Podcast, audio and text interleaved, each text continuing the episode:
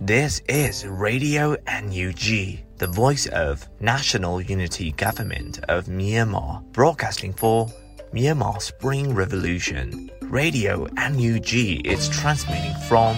shortwave 16 meter 17.79 megahertz at 8:30 a.m. and 25 meter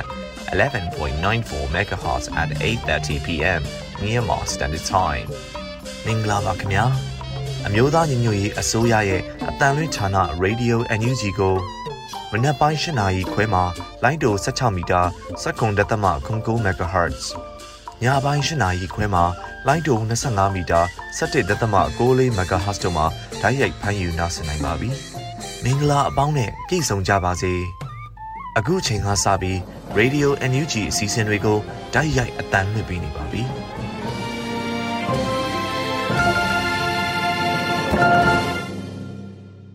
မြန်မာနိုင်ငံသူနိုင်ငံသားအပေါင်းတဘာဝပြီးစစ်အာဏာရှင်ဘေးတို့ကနေကင်းဝေးပြီးကိုစိတ်နှပါကြမ်းမှလုံခြုံကြပါစေလို့ Radio NUG အဖွဲ့သားများကဆုတောင်းမေတ္တာပို့သလာရပါတယ်ရှင်။အခုချိန်မှစပြီးကာကွယ်ဝင်ကြီးဌာနရဲ့စီရေးတရင်အချင်းချုပ်ကိုရန်နိုင်မှတင်ဆက်ပေးမှာဖြစ်ပါတယ်ရှင်။ကာကွယ်ရေးဝန်ကြီးဌာနအမျိုးသားညီညွတ်ရေးအစိုးရမှထုတ်ဝေတဲ့နေ့စဉ်စီရေးတရင်အချင်းချုပ်ကို ကျွန်တော်ရန်နိုင်ကတင်ဆက်ပေးပါတော့မယ်။မွန်ပြည်နယ်မှာဇန်နဝါရီလ25ရက်နေ့မနက်တနာရီချိန်ခန့်ကကျိုက်တို့ဘက်မှတထုံဘက်ကိုမောင်းနှင်လာတဲ့စစ်ကောင်စီစစ်ရင်တန်းကိုတထုံမြို့နယ်ပန်းတိန်ယိုဖော်မကျေးရွာနီမှာ KNL ဦးဆောင်တဲ့တပ်ပေါင်းစုကမိုင်းဆွဲတိုက်ခိုက်ခဲ့ရာစစ်ကောင်စီတပ်သား၄ဦးထံမှနဲ့ဒဏ်ရာပြင်းထန်ရရှိခဲ့ပါတယ်။မိုင်းဆွဲတိုက်ခိုက်ခံရပြီးတဲ့နောက်စစ်ကောင်စီတပ်သားများက10မိနစ်ခန့်ကြာအောင်ရန်တမ်းပစ်ခတ်ခဲ့ရမှာ ကားလမ်းဘေးနေအိတ်အိမ်မှကလေးတူခြေထောက်ကြည်စံထိမှန်ခဲ့တယ်လို့သိရှိရပါတယ်ခင်ဗျာ။စကိုင်းတိုင်းမှာတော့ဇန်နဝါရီလ25ရက်နေ့နေ့လယ်တနာရီ45မိနစ်ချိန်ခန့်ကခင်ဦးမြို့နယ်မကြီးတုံကြီးရွာမှာတက်ဆွဲထားတဲ့စစ်ကောင်စီတပ်သားနဲ့ပြူစောတိစူပေါင်းအင်အား30ခန့်ကိုပြည်သူ့ကာကွယ်ရေးတပ်ပေါင်းစုကဝင်ရောက်တိုက်ခိုက်ရမှာအပြန်အလှန်ထိတ်တိုက်ပစ်ခတ်မှုဖြစ်ပွားခဲ့ပြီးစစ်ကောင်စီတပ်သား3ဦးထပ်မံဒဏ်ရာရရှိခဲ့ပါတယ်။ ဇန်နဝါရီလ25ရက်နေ့ညနေ4:30မိနစ်30ချိန်ခန့်ကရေဦးမြို့နယ်ရေဦးမြို့ပန်းချံအနီးစစ်ဆေးရေးလုပ်နေတဲ့စစ်ကောင်စီတပ်သားများကိုပြည်သူ့ကာကွယ်ရေးတပ်ပေါင်းစုကမိုင်းဆွဲတိုက်ခိုက်ခဲ့ရာစစ်ကောင်စီတပ်သား9ဦးထိခိုက်ဒဏ်ရာရရှိခဲ့ပါတယ်။ဇန်နဝါရီလ24ရက်နေ့မနက်8:30မိနစ်30ချိန်ခန့်ကရွှေဘုံမြို့နယ်သီးလုံးကြီးရွာမှစစ်ကောင်စီတပ်သားနဲ့ပြူစောတိစုပေါင်းအင်အား200ခန့်ကိုပြည်သူ့ကာကွယ်ရေးတပ်ပေါင်းစုက ရွာစိုးရွာနီမှာခြုံခိုတိုက်ခိုက်ခဲ့ရာစစ်ကောင်စီတပ်သားနဲ့ပြူစောထီး10ဦးခန့်သေဆုံးပြီးအများပြားဒဏ်ရာရရှိခဲ့ကြပါတယ်။ဇန်နဝါရီလ24ရက်နေ့မနက်7:30မိနစ်30ချိန်ခန့်ကစစ်ကောင်စီစစ်ကား3စီးကိုနတ်တောင်နဂါးဒေသကာကွယ်ရေးပျောက်ကြားဖွဲ့ကဝက်လက်မြို့နယ်လှတော်ကြီးရွာနီးလေသာခွေမှာတစ်ကြိမ်ပင်းစင်းကြီးရွာနဲ့မကြီးတုံကြီးရွာကြားမှာတစ်ကြိမ်စုစုပေါင်း2ကြိမ်တိတိမိုင်းဆွဲတိုက်ခိုက်ခဲ့ပါတယ်။ ဇန်နဝါရီလ24ရက်နေ့ည9:29မိနစ်ချိန်ခန့်ကတီးချိုင်မြို့နယ်မောင်းကုန်းကြီးရွာမှလာတဲ့စစ်ကောင်စီဗိုလ်ကြီးအပါဝင်အင်အား9ဦးခန့်ပါတဲ့ကားတစ်စီးကိုပြည်သူ့ကာကွယ်တပ်ပေါင်းစုကမိုင်းဆွဲတိုက်ခတ်ခဲ့ရာစစ်ကောင်စီတပ်သား9ဦးထိခိုက်ဒဏ်ရာရရှိခဲ့ပြီးကားမှာပျက်စီးသွားခဲ့ပါတယ်ခင်ဗျာမကွေးတိုင်းမှာဇန်နဝါရီလ24ရက်နေ့နေ့လယ်12:05မိနစ်ချိန်ခန့်ကစီဒိုဒရမ်မြို့နယ်တက်ငယ်ချင်းရွာအနောက်တောင်ဘက်ကိုစစ်ကြောင်းထိုးလာတဲ့ စစ်ကောင်စီအင်အား80ခန့်ကို PRA မကွေးကစောင့်ကြိုတိုက်ခိုက်ခဲ့ရမှာစစ်ကောင်စီတပ်သား6ဦးသေဆုံးပြီး12ဦးပြင်းထန်ဒဏ်ရာရရှိခဲ့က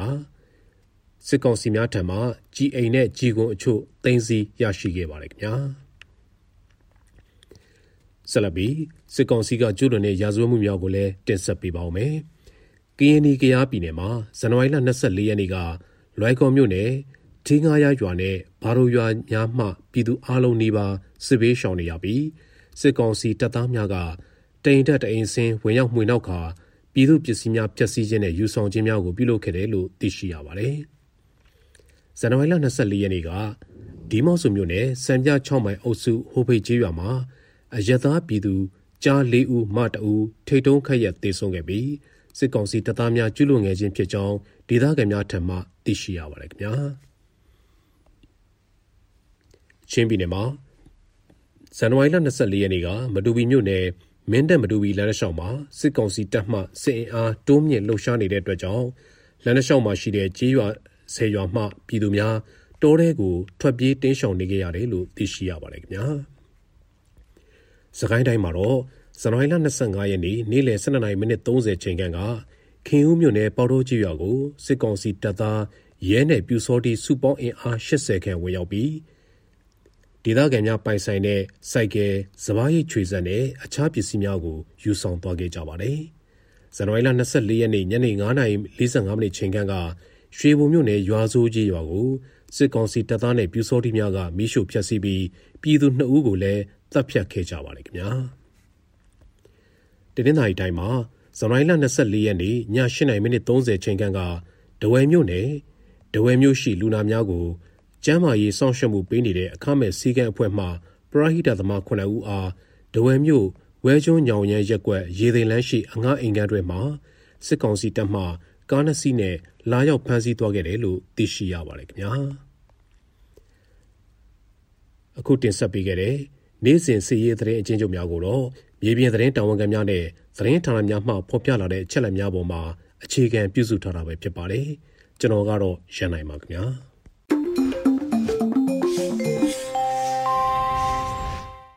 ရေဒီယို NUG မှာဆက်လက်အသံလွှင့်နေပါတယ်။အခုဆက်လက်ပြီးနောက်ဆုံးရပြည်တွင်းသတင်းများကိုအေရီမှတင်ဆက်ပေးမှာဖြစ်ပါတယ်ရှင်။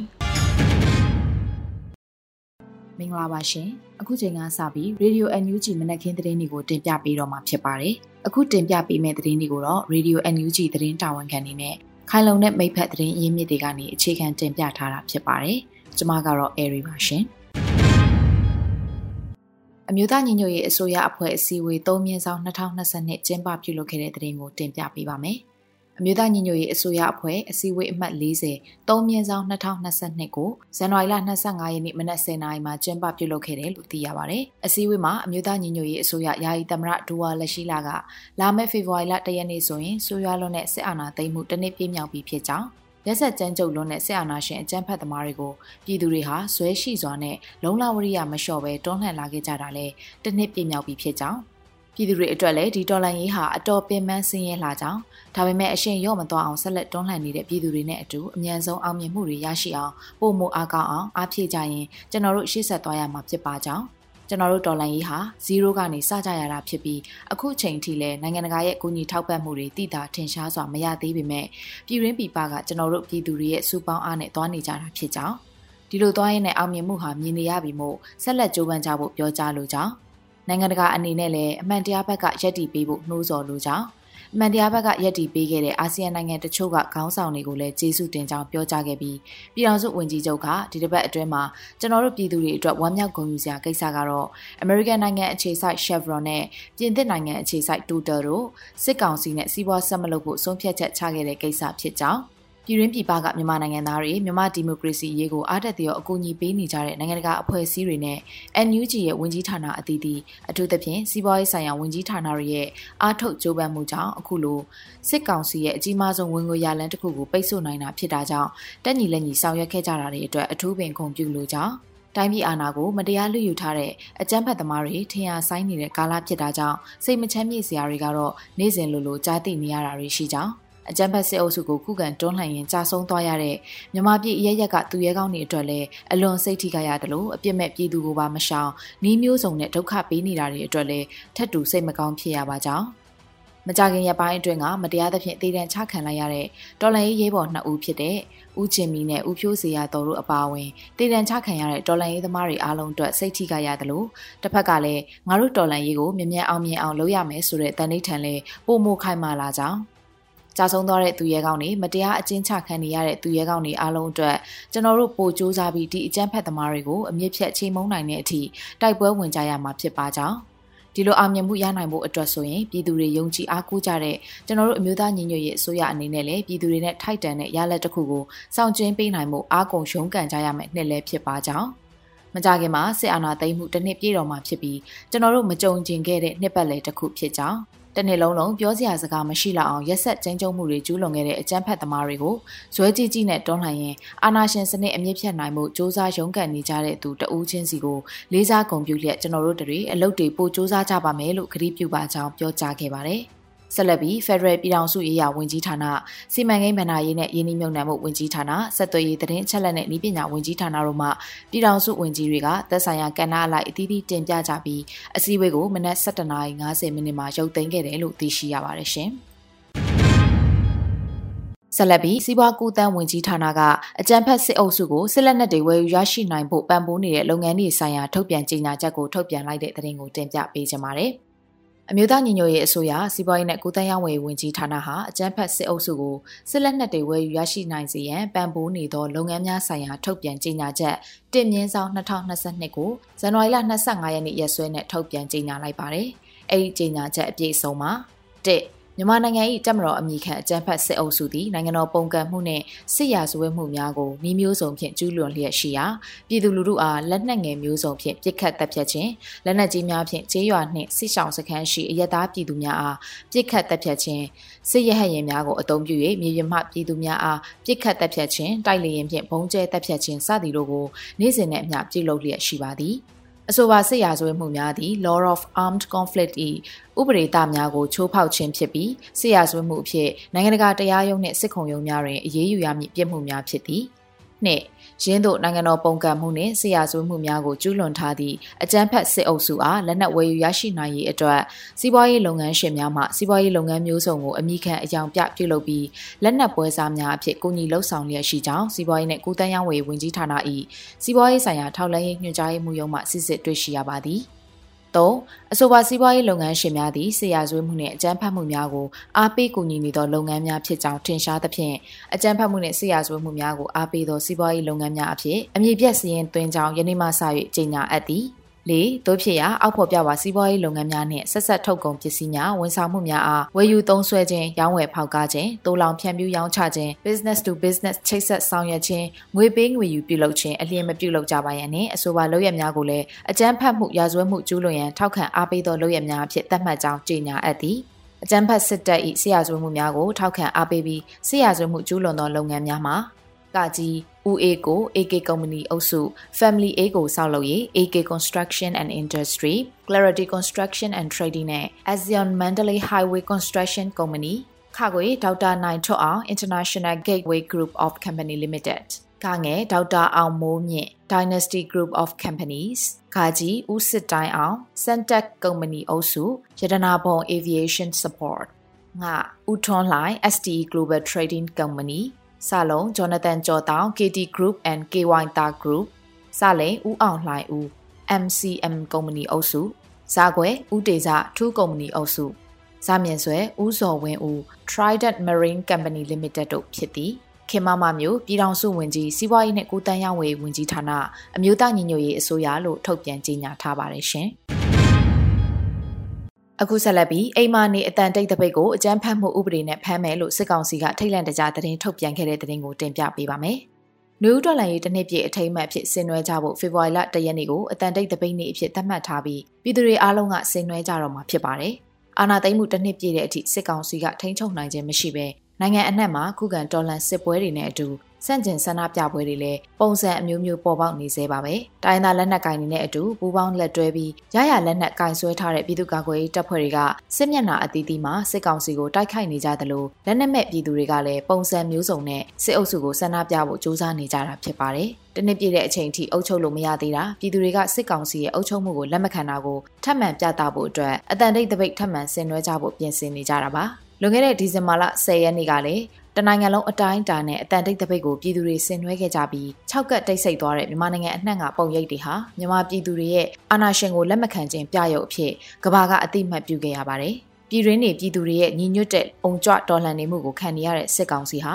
အာဆီယံအိမ်နီးချင်းတွေနဲ့အပြည်ပြည်ဆိုင်ရာတန်တမန်နယ်ပယ်မှာလည်းအခုချိန်ထိအတိမတ်ပြုမှုကိုဆုံးရှုံးနေရစေပါပဲ။ ဖေဖော်ဝါရီလ၁ရက်နေ့အတန်တိတ်တပိတ်ကိုစစ်ကောင်စီကဖမ်းဆီးမယ်အကြမ်းဖက်မှုဥပဒေနဲ့တရားစွဲမယ်လို့သတင်းထုတ်ပြန်ချက်ဟာစစ်အုပ်စုရဲ့အတွင်းပိုင်းကကြာဆုံးနေမှုစိုးရိမ်ထိတ်လန့်မှုကိုသိသာစေတယ်လို့ပြည်သူတွေကယုံကြည်ယူဆနေကြပါတယ်။ စစ်အုပ်စုရဲ့သတင်းထုတ်ပြန်ချက်မှာအတန်တိတ်တပိတ်နဲ့ပတ်သက်ပြီးအကြမ်းဖက်ဥပဒေနိုင်ငံတော်အကြီးအကျယ်ပြည့်စုံမှုပုံမှန် electronic ပုံမှန်ဆက်သွယ်ရေးပုံမှန်တွေနဲ့အရေးယူမယ်လို့ချိန်ချောက်ထားတာတွေ့ရပါတယ်။ silent strike လို့ခေါ်တဲ့အတန်တိတ်တပိတ်ပြုလုပ်တာလက်ခုပ်တီးတန်မုံတီးတာအပြင်ကာဟွန်တီးတဲ့အတန်ထွက်တပိတ်တွေပြုလုပ်ရင်အကြမ်းဖက်မှုတိုက်ဖြတ်ရေးဥပဒေပုံမှန်52ကကြီးရာဇသက်ကြီးပုံမှန်124ကကြီးပုံမှန်905ကကြီး electronic ဆက်သွယ်ဆောင်ရွက်ရေးဥပဒေပုံမှန်33ကကြီးအပြင်တခြားတည်ဆဲဥပဒေတွေနဲ့ပါအရေးယူခံရနိုင်တယ်လို့၎င်းတို့ထိန်းချုပ်ခံမီဒီယာကနေတဆင့်အသိပေးထုတ်ပြန်ထားပါတယ်။ဇန်နဝါရီလ25ရက်နေ့ရက်စွဲနဲ့တာမြင့်ထုတ်ပြန်ချက်အပေါ်တက္ကသကျောင်းသားဟောင်းများအင်အားစုကကိုနန်းလင်းကအခုလိုတုံ့ပြန်ပါတယ်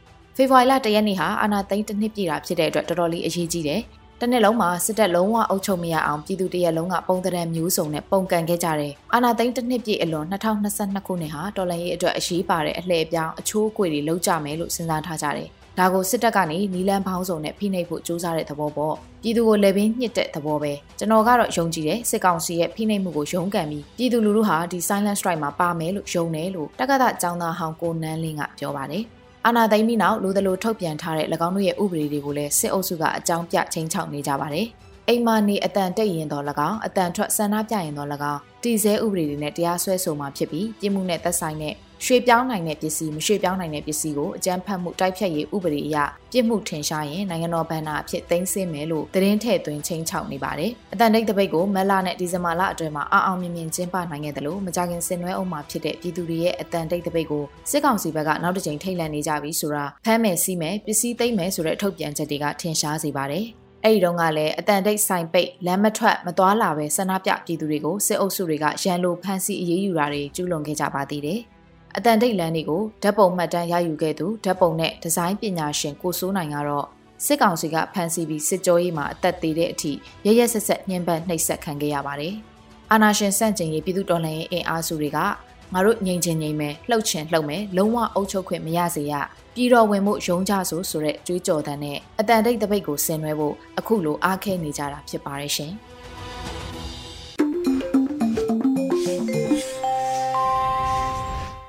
Radio NUG မှာဆက်လက်အသံလွှင့်နေပါတယ်။အခုဆက်လက်ပြီးပြည်သူခုခံတော်လှန်စစ်တရင်များကိုຫນွေဦးလိပ်ပြာမှတင်ဆက်ပေးမှာဖြစ်ပါတယ်ရှင်။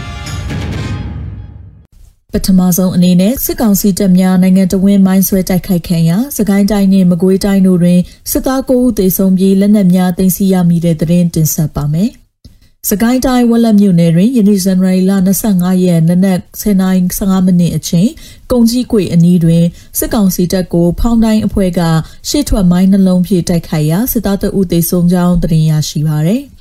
အလားတူဇန်နဝါရီလ23ရက်နေ့နနက်10:00နာရီ12မိနစ်အချိန်စကိုင်းတိုင်းမြောင်မြို့နယ်တွင်ကြေးရွာများကိုဖျက်ဆီး၍ပြန်လာသည့်စစ်ကောင်စီစစ်ကြောင်းကိုဒေသကာကွယ်ရေးမဟာမိတ်တပ်ပေါင်းစုကပြစ်ခတ်တိုက်ခိုက်ရာစစ်သား2ဦးသေဆုံးကြောင်းအဆိုပါမိုင်းခွဲတိုက်ခိုက်မှုကို11 Brothers Revolution Forces ကဦးဆောင်၍မြောင်မြို့နယ် TGR ပြည်သူ့ကာကွယ်ရေးတပ် TGR နှင့်27 Revolution Forces မြင်းကြံမဟာမိတ် တပ်ပေါင်းစုမှပူးပေါင်းလှုပ်ခဆောင်ခဲ့ကြောင်းသိရှိရပါတယ်။အလားတူဇန်နဝါရီလ24ရက်ည8နာရီတွင်မန္တလေးတိုင်းပသိမ်ကြီးမြို့နယ်နှင့်မဒရာမြို့နယ်အဆက်ဝတုံဒရကြီးရွာအနီးနှောပင်မောင်နှမနန်းနန်းနာတွင်စကားနှစ်စီးမိုင်းဆွဲခံရကြောင်းပြစ်ခတ်တံများလဲကြားရကြောင်းဒေသခံများထံမှသိရှိရပါသည်။ အလားတူစကိုင်းတိုင်းထိကြိုက်မြို့နယ်တွင်ယမန်နေ့ညပိုင်းစစ်ကောင်စီတပ်ရင်တစည်းကိုမိုင်းဆွဲတိုက်ခိုက်ခဲ့ကြောင်းစစ်ကောင်စီတပ်သားများအသေးပြောက်ရှိနိုင်ကြောင်းယမန်နေ့ဇန်နဝါရီလ24ရက်ည9:20မိနစ်ခန့်တွင်စစ်ကောင်စီတပ်၏ကင်းလဲရင်ကိုမြထောင်လန်းဆောင်အနီးတွင် Fire Dragon HPTF မှ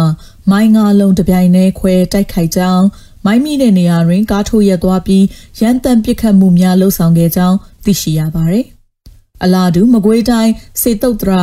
မြို့နယ်တက်ကဲကျေးရွာအနောက်ဘက်သို့နေမြေရှင်းလင်းရေးစစ်ကြောင်းထိုးလာသည့်စစ်ကောင်စီတပ်နှင့်ပြည်သူ့တော်လှန်ရေးမိတ်ဖက်မကွေးတပ်ရင်းတစ်တို့ကြားယမန်နေ့ဇန်နဝါရီလ24ရက်နေ့လယ်12နာရီကျော်တွင်တိုက်ပွဲဖြစ်ပွားခဲ့ပြီးစစ်ကောင်စီဘက်မှစစ်သား6ဦးသေဆုံးကတရားရရှိသူ10ဦးကျော်ရှိခဲ့ကြောင်းစစ်ကောင်စီ၏လက်နက်ခဲယမ်းများနှင့်ကြီးများတင်ဆက်ရမိကြောင်း သိရှိရပါတယ်။ဆက်လက်ပြီးရေးမြို့နယ်တထုံနှင့်ကြာအင်းစိတ်ကြီးတွင်စစ်ကောင်စီတပ်ဖွဲ့ဝင်10ဦးသေဆုံး12ဦးဒဏ်ရာပြင်းထန်တဲ့တရင်ကိုတင်ဆက်ပါမယ်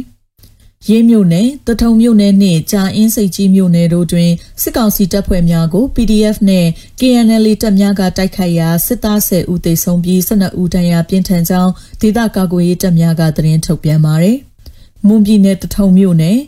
မိုးကောင်းကြီးရွာနှင့်ပသိမ်ရိုးကြီးရွာကြား ရန်ကုန်မော်လမြိုင်ကားလမ်းမပေါ်တွင်ယနေ့ဇန်နဝါရီလ25ရက်နနက်တနာရီခန့်၌စစ်ကောင်စီရင်နှန်းမိုင်းဆွဲတိုက်ခိုက်ခံရပြီးစစ်သား၄ဦးသေဆုံးက၄ဦးဒဏ်ရာရရှိကြောင်းသတင်းရရှိပါသည်။မိုင်းဆွဲတိုက်ခိုက်မှုကို KNL တပ်မဟာ1တရင်နှစ်တို့တပ်ဖွဲ့နှင့် PDF ပူးပေါင်းတပ်ဖွဲ့ကလှုပ်ဆောင်ခဲ့ပြီးအထီးအခိုက်မရှိစုခွာနိုင်ခဲ့ကြောင်းတထုံ PDF ထံမှသိရှိရပါသည်။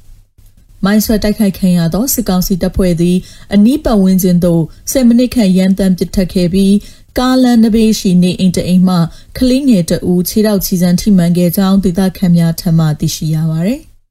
အလားတူဇန်နဝါရီလ24ရက်နေ့ကရင်ပြည်နယ်ကြာရင်စိတ်ကြီးမြို့နယ်တကေးကြီးရွာတွင်နေမြေကျူးကျော်စစ်ကြောင်းထိုးလာသောစစ်ကောင်စီတပ်ကိုနေမြေခန့် KNL တရင်စခွန်ကတိုက်ခိုက်ရာ စစ်ကောင်စီတပ်ဖွဲ့ဝင်2ဦးသေဆုံးပြီး3ဦးဒဏ်ရာပြင်းထန်ကြောင်းသိရှိရပါတယ်။အလားတူမွန်ပြည်နယ်ရေးမြို့နယ်ရမျိုးအောင်ရက်ကွက်တလာဝတီတလန်းရှိရမျိုးအောင်ပြူစောတိအဖွဲ့၏ဒုတိယခေါင်းဆောင်ရာစင်းကို YGF အဖွဲ့မှဇန်နဝါရီလ24ရက်နေ့ပြစ်ခတ်ရှင်းလင်းခဲ့ပြီးအဆိုပါပြူစောတိသေဆုံးမှုကိုစစ်ဆေးရန်လာသည့်အဖွဲ့ကို YGF ကမိုင်းဆွဲတိုက်ခိုက်ခဲ့ရာအကြမ်းဖက်စစ်ကောင်စီလက်ပါစီလျဲ၄ဦးသေဆုံးက9ဦးခန့် ဒဏ်ရာရရှိသွားကြောင်း YGF ကသတင်းထုတ်ပြန်ထားပါတယ်။အကြမ်းဖက်စစ်ကောင်စီ၏စစ်ဆေးရေးအဖွဲ့ကိုရေးမြို့နယ်ကလောနဲ့ချောင်းတောင်ကြားရေတနုပ်ဖျားအနီးတွင် YGF အဖွဲ့သားများကအသင်ဆောင်ကြိုတိုက်ခိုက်ခဲ့ခြင်းမှာအဆိုပါမိုင်းဆွဲတိုက်ခိုက်မှုတွင် YGF အဖွဲ့သားများကတစုံတရာထိခိုက်ကြဆုံးမှုမရှိဘဲအောင်မြင်စွာဆုတ်ခွာနိုင်ခဲ့တယ်လို့သိရှိရပါတယ်။မြေပြင်မှာယခုတွေ့ရတဲ့သတင်းအချက်အလက်များထက်ပို၍ဖြစ်ပွားနိုင်ပါတယ်ရှင်။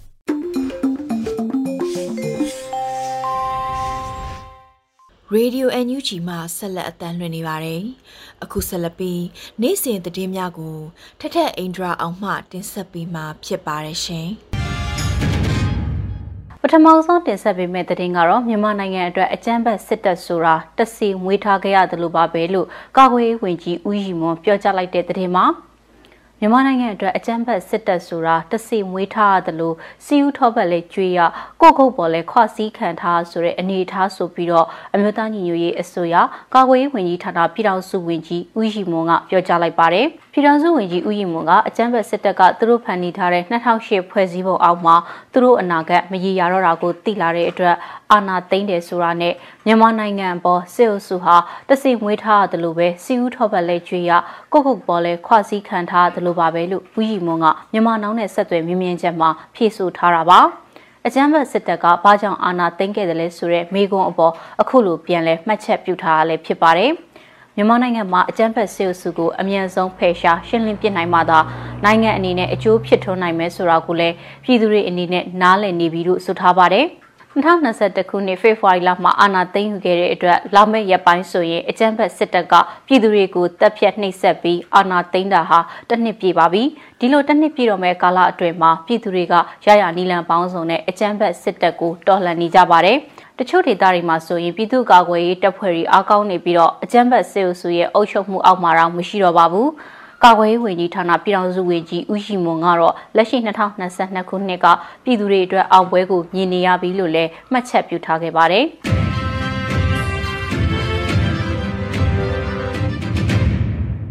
ခုတင်ဆက်ပေးမယ့်သတင်းကတော့အမျိုးသားညီညွတ်ရေးအစိုးရငွေတိုက်စာချုပ်ဝယ်ယူထားသူတွေရဲ့စာချုပ်ပေါင်း2500နီးပါးကိုဝယ်ယူထားတဲ့ပြည်သူတွေထံပြန်ပို့ခဲ့တဲ့ဆိုတဲ့သတင်းမှာ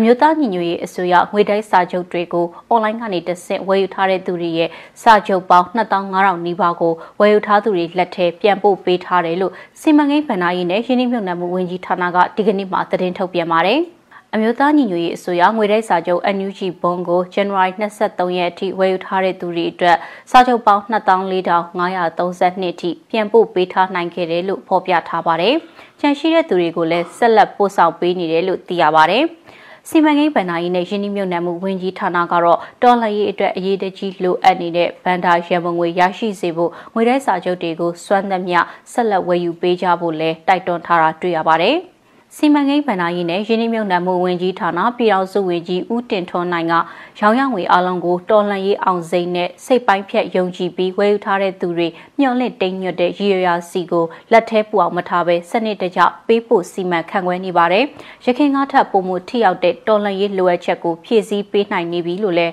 သတင်းကောင်းပါထားတာကိုတွေ့ရပါတယ်။ အမျိုးသားညီညွတ်ရေးအစိုးရငွေတိုက်စာချုပ်ကိုဒီဇင်ဘာလထဲမှာလဲငွေတိုက်စာချုပ်ပေါင်း8000ခန့်ကိုပြည်သူတွေလက်အတွင်းပေးအပ်နိုင်ခဲ့ပြီးတော့ဒီနေ့မှာတော့စာချုပ်ပေါင်း24,532ခုအထိပေးနိုင်ခဲ့တာလည်းဖြစ်ပါတယ်။ KPICT နဲ့အမျိုးသားညီညွတ်ရေးအစိုးရတို့ပူးပေါင်းပြီးတော့ငွေတိုက်စာချုပ်တွေကိုပြည်တွင်းပြည်ပမှာရောင်းချပေးနေတာပါအခုဆိုရင်ငွေတိုက်စာချုပ်ကိုယ်စားလှယ်စည်းရင်းတွေကိုလည်းဖော်ပြပေးထားပြီးဖြစ်တယ်လို့သိရပါတယ်ရှင်။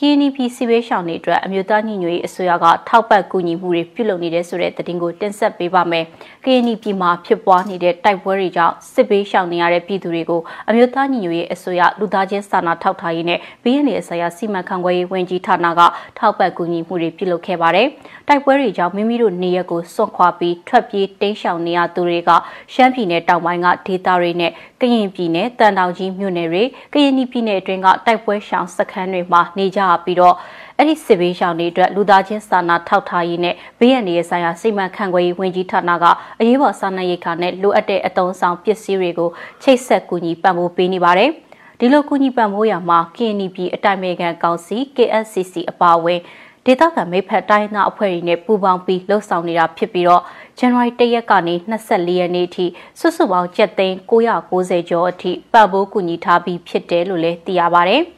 ဒါ့အပြင်တိုက်ပွဲရှောင်ပြည်သူတွေရဲ့လိုအပ်ချက်ကိုလည်းဆက်လက်ထောက်ပံ့သွားဖို့ရှိတယ်လို့ဝန်ကြီးဌာနထံကသိရပါဗျ။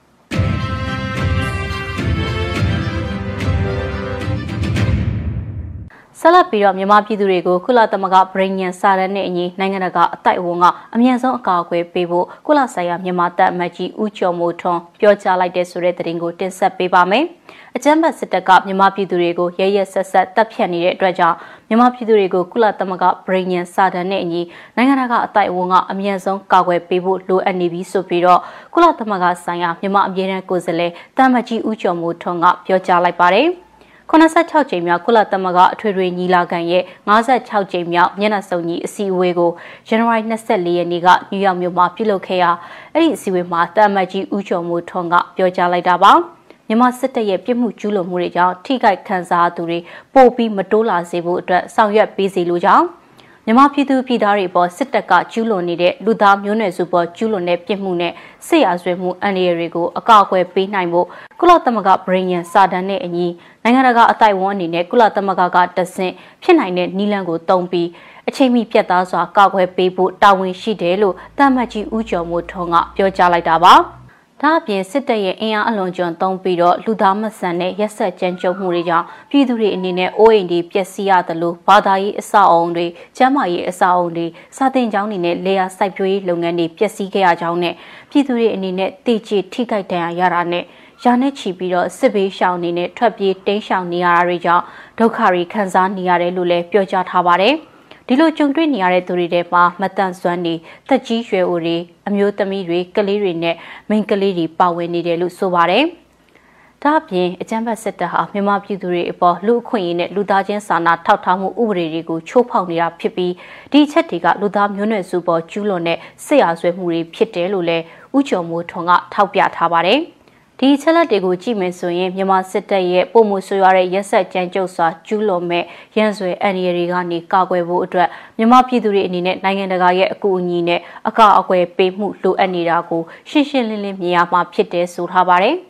လသမဂ္ဂအတွင်းမှုချုပ်ရဲ့ကတိကဝတ်ပြုမှုနဲ့ကုလသမဂ္ဂအဖွဲ့ဝင်နိုင်ငံတွေရဲ့ခိုင်မာပြီးမမိတ်မတုံထောက်ခံမှုတွေနဲ့အကြမ်းဖက်စစ်တပ်ရဲ့ရက်ဆက်ကြမ်းကြုတ်မှုတွေကိုအပီးတိုင်အဆုံးသတ်နိုင်မှာဖြစ်ပြီးမြန်မာနိုင်ငံအတွက်လိုအပ်နေတဲ့ငြိမ်းချမ်းရေးတည်ငြိမ်ရေးတို့ကိုဖော်ဆောင်နိုင်ပြီးတော့လူသားချင်းစာနာထောက်ထားမှုအကူအညီတွေကိုလည်းပေးအပ်နိုင်မှာဖြစ်တယ်လို့ပြောကြားထားတာကိုတွေ့ရပါတယ်။ကျေးဇူးတင်ပါတယ်ရှင်။ဒီကနေ့ကတော့ဒီညနေပဲ Radio NUG ရဲ့အစည်းအဝေးကိုခਿੱတရရနိုင်ပါမယ်။ မြန်မာစံတော်ချိန်မနက်၈နာရီခွဲနဲ့ည၈နာရီခွဲအချိန်တွေမှာပြန်လည်ဆုံးဖြတ်ကြပါစို့ Radio NUG ကိုမနက်ပိုင်း၈နာရီခွဲမှာလိုင်းဒို16မီတာစက္ကန့်တသမ9 MHz ညပိုင်း၈နာရီခွဲမှာလိုင်းတုံ25မီတာ17.6 MHz တို့မှာဓာတ်ရိုက်ဖမ်းယူနားဆင်နိုင်ပါပြီမြန်မာနိုင်ငံသူနိုင်ငံသားများကိုယ်စိတ်နှပြကျန်းမာချမ်းသာလို့ဘေးကင်းလုံခြုံကြပါစေလို့ Radio NUG အဖွဲ့သူအဖွဲ့သားများကဆုတောင်းလိုက်ရပါတယ်။အမျိုးသားညီညွတ်ရေးအစိုးရရဲ့စက်သွေးရေး